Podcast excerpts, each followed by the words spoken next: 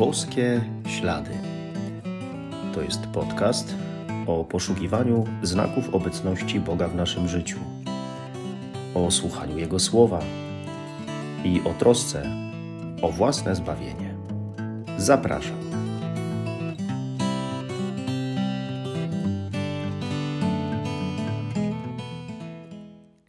Witam serdecznie, szczęść Boże.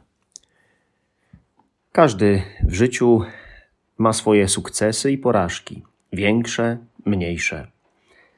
Największe sukcesy to te niezwiązane z pracą zawodową, studiami, osiągnięciami w różnych dziedzinach, ale te związane z miłością do drugiego człowieka, do męża, do żony, dziecka, przyjaciela, sąsiada, znajomego, współbrata, szefa.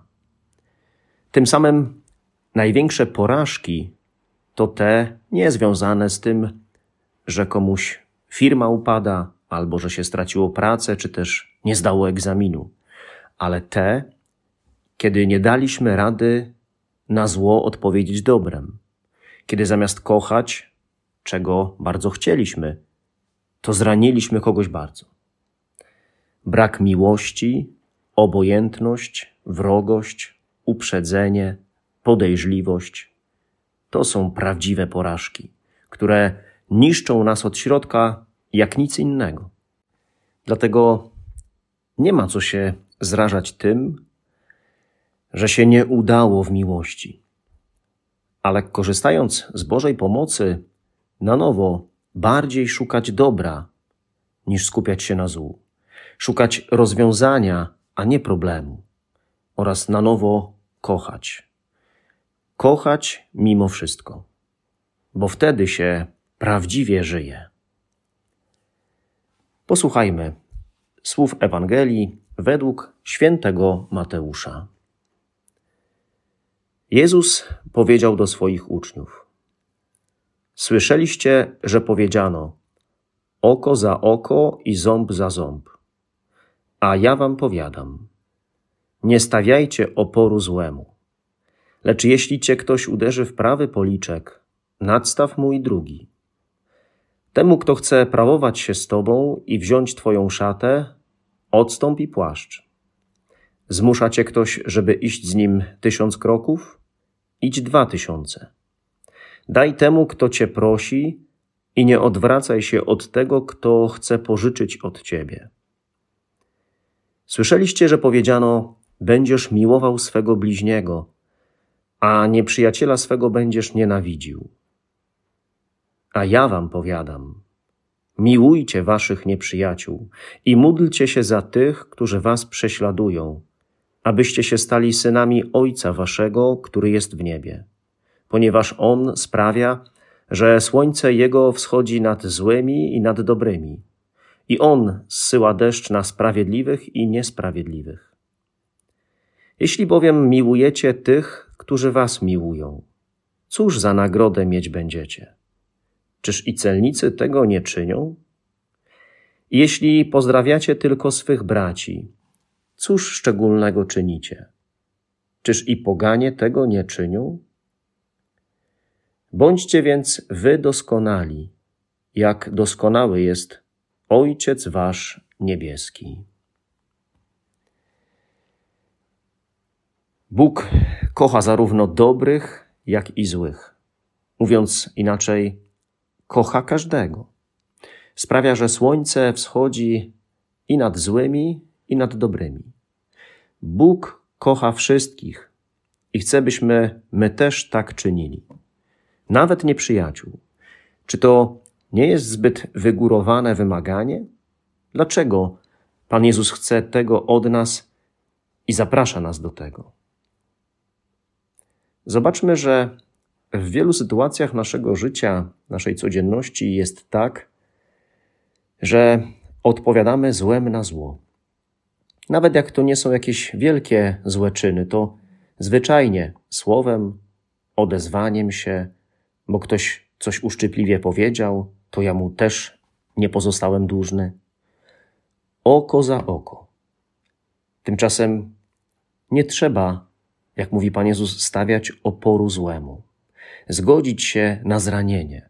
Oczywiście nie chodzi tutaj o jakąś naiwność albo robienie z siebie cierpiętnika, ale jeśli ktoś mnie rani, wcale nie muszę od razu odpowiedzieć tym samym. Ba, nawet nie muszę się na niego obrażać, gniewać albo źle o nim mówić. A cóż dopiero, gdy sprawa nie dotyczy mnie bezpośrednio. Trudno nam znosić wady innych, to jasne.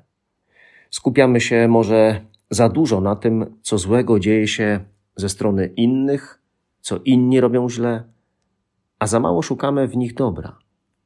Ale przecież skupianie się na złu niczego dobrego nie daje, nie wnosi nic dobrego do mojego życia. Lepiej skupiać się na dobru, widzieć to dobro, podkreślić, częściej je dostrzegać. W każdym człowieku jest choćby odrobina dobra i sztuką jest ją zauważyć i wydobyć. Świetnie potrafił to robić e, ksiądz Bosko, który spotykał młodych wchodzących w konflikt z prawem na ulicach Turynu. Bierzmy do swojego życia dla siebie dobre przykłady z innych. Poprzeczka jest zawieszona wysoko. Miłować nieprzyjaciół i modlić się za tych, którzy nam źle czynią. Dlaczego mielibyśmy to robić i aż tak bardzo się starać? Czy to w ogóle jest możliwe? Po pierwsze, dlatego, że Pan Bóg tak kocha. Kocha mnie mimo moich wad, mimo ciągle popełnianych grzechów i wracania do tych samych. Mimo tego przebacza mi, choć ja go tak naprawdę krzyżuję. Można powiedzieć, że w tym sensie jestem nieprzyjacielem Boga, ale On mnie kocha i czyni mnie swoim przyjacielem. Tego się nie da opisać, co Bóg robi wobec mnie.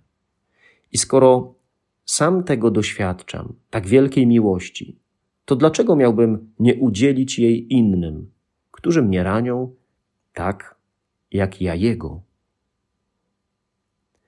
Dlaczego mam jeszcze kochać tych, którzy mi coś złego zrobili?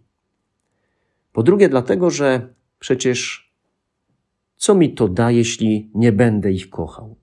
Albo odpowiem złem na zło, odpowiem tym samym. Zła nie da się pokonać złem. Zamknę swoje serce na nich, skupię się na tym, co złego robią, na tym, jak mnie skrzywdzili i co? Czy to mi przyniesie jakiś dobry skutek? Wręcz przeciwnie. Skupiony na złu, będę również czynił zło innym. Stanę się zatwardziałym, a moje serce będzie się robiło kamienne, nieczułe. Tylko miłość przebaczająca, bezinteresowna powoduje, że moje serce ciągle jest żywe, bijące.